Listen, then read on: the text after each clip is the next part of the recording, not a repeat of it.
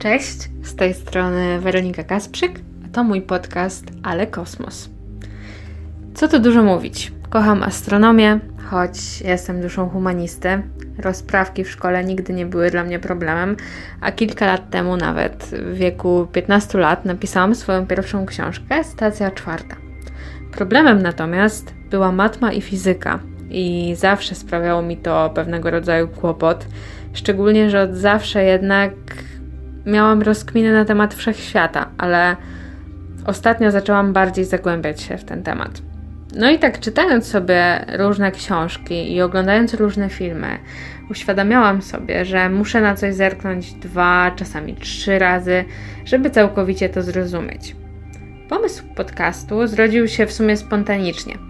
Chciałam pokazać komuś wiedzę, jaką sama nabyłam, ale w taki prosty i zrozumiały sposób, a przy tym może zarazić kogoś swoją zajawką czy umilić spacer. Nazwijmy ten odcinek nie pierwszym, ale zerowym, bo nie będziemy tutaj mówić o niczym konkretnym. Chcę bardziej przetestować mikrofon i zobaczyć, jaki mam odbiór. No i wyjaśnię Wam pokrótce parę pojęć z, nazwijmy to, słowniczka astronomicznego, żeby łatwiej Wam było słuchać mnie w dalszych częściach. Swoją drogą, to ciekawe, czy jest w ogóle taki słownik astronomiczny, ale w takiej formie papierowej. Wiecie? Bo ja nigdy się z czymś takim nie spotkałam. Jeśli ktoś się spotkał, to dajcie mi znać. Oczywiście nie jestem tego w stanie zrobić ze wszystkimi słowami, bo na niektórych chcę się skupić z większymi szczegółami w poszczególnych odcinkach, ale coś tam Wam dziś przekażę. Zacznijmy od sformułowania, czym jest wszechświat. Wszechświat to jest właściwie wszystko. Wszystko, co istnieje, łącznie z nami, z prawami fizyki, czasu, z formami energii i materii. Wszechświat i kosmos w naukach ścisłych to synonimy. Galaktyka również wchodzi w skład wszechświata, dlatego że jest dużym skupiskiem gwiazd, ciemnej materii czy planet.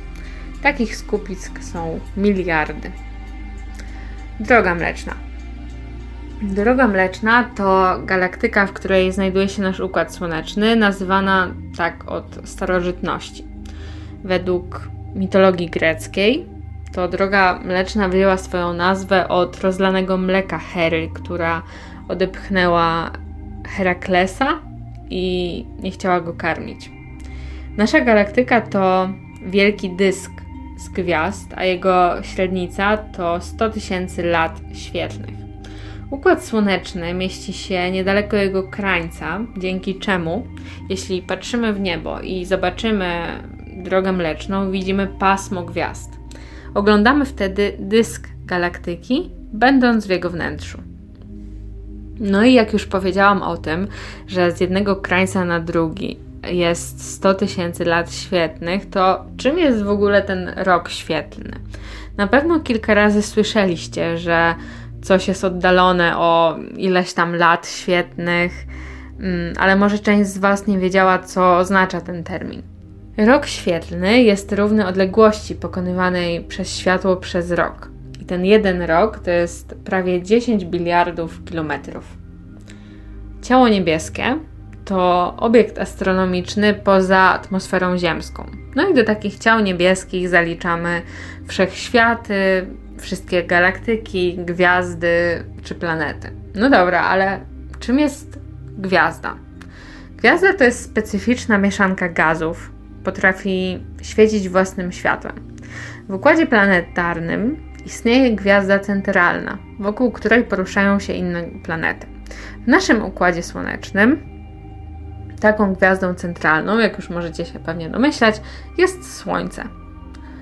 Planeta, w przeciwieństwie do gwiazdy, nie świeci sama, lecz świeci światłem odbitym. Krąży dookoła gwiazdy centralnej. Rozróżniamy gazowe olbrzymy i planety skaliste. Gazowe olbrzymy to planety, które nie mają stałej powierzchni, a skały nie zajmują jego znacznej części. Są ogromne, a mają małą gęstość. Planeta skalista natomiast ma skalną lub skalno-jądrową powłokę jądra. ma dużą gęstość i jest mniejsza niż gazowe olbrzymy. O poszczególnych planetach będę chciała nagrać odcinki, więc teraz nie skupiam się na szczegółach. No i dobra, myślę, że to tyle z mojego testu mikrofonu. Oczywiście tych astronomicznych pojęć jest znacznie więcej, ale po to też będą następne odcinki, żeby no, w trakcie wrzucać Wam kilka definicji. Więc doszliśmy do końca zerowego odcinka. Mam nadzieję, że Wam się podobało i że zachęciło Was to wszystko do zostania ze mną na dłużej, do zaobserwowania mnie i do oczekiwania na odcinek pierwszy, a potem mam nadzieję na kolejne i jeszcze kolejne.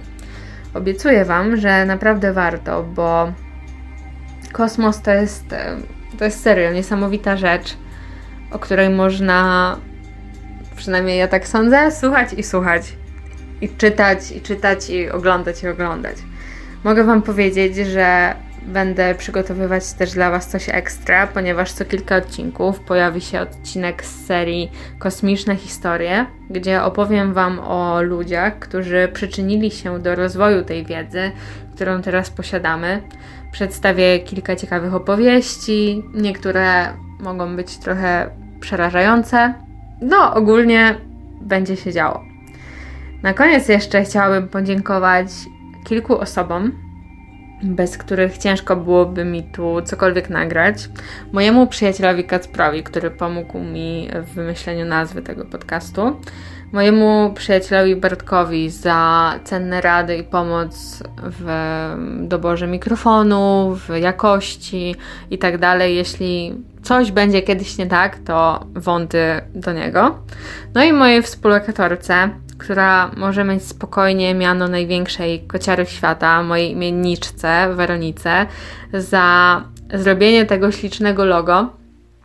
E, Weronika, jak zobaczyła logo, na którym w sumie troszeczkę się wzorowała logo, które ja najpierw zrobiłam, to spytała, czy zrobiłam je w pańcie, więc wyobraźcie sobie, jak złe było. No i dziękuję Wam za odsłuchanie. Do następnego. Cześć! Mówiła do Was Weronika, a to był zerowy odcinek mojego podcastu, ale kosmos.